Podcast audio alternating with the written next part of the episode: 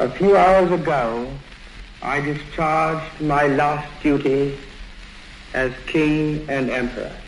And now that I have been succeeded by my brother, the Duke of York, my first words must be to declare my allegiance to him.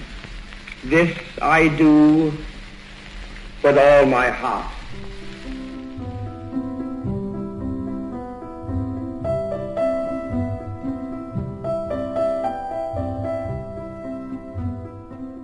So sal koning Edward die 8ste die eerste monarg word in die geskiedenis wat vrywilliglik die troon abdikeer en dit vir liefde.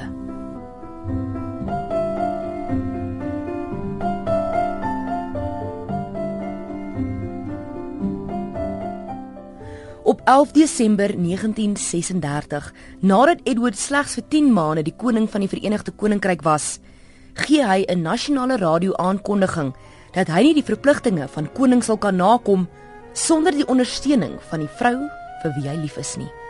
Dit natuurlik Wallace Simpson. She was too good to me.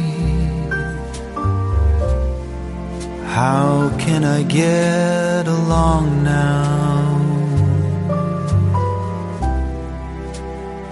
So close she stood to me. Edward die 8ste was ongetroud en elke ou jong nooi se droomman.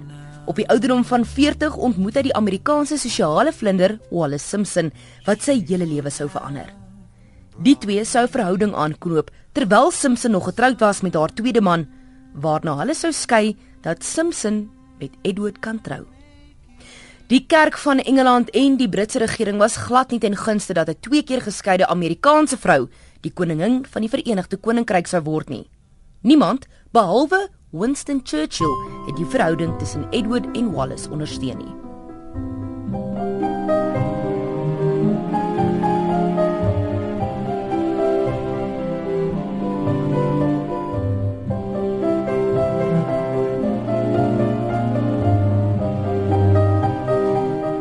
Na Edward se abdikasie van die troon, sou Edward se jonger broer, George die 6de koning word en gee sy ouer broer die titel Hertog van Windsor.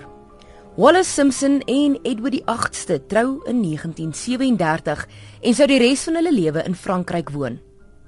Edward het deur die loop van sy lewe slegs 'n paar keer in Engeland gaan kuier, soos vir die begrafnis van sy broer, koning George die 6de in 1952 en die van sy ma, koningin Mary, in 1953.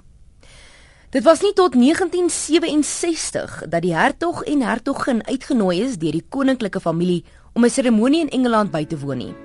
Dit die onthulling van 'n gedenkplaat vir sy ma, koningin Mary.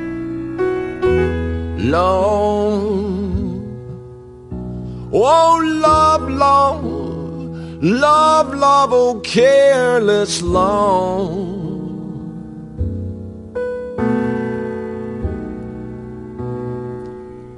Die mooiste liefdesverhaal van die 20ste eeu sou ook sy sprokiesverhaal einde kry. Edward sterf in Parys in 1972 en word op die gronde van Windsor Kasteel begrawe. In 1986 sou Wallace Simpson, die hertogin van Windsor, sterf en word sy langs hom begrawe.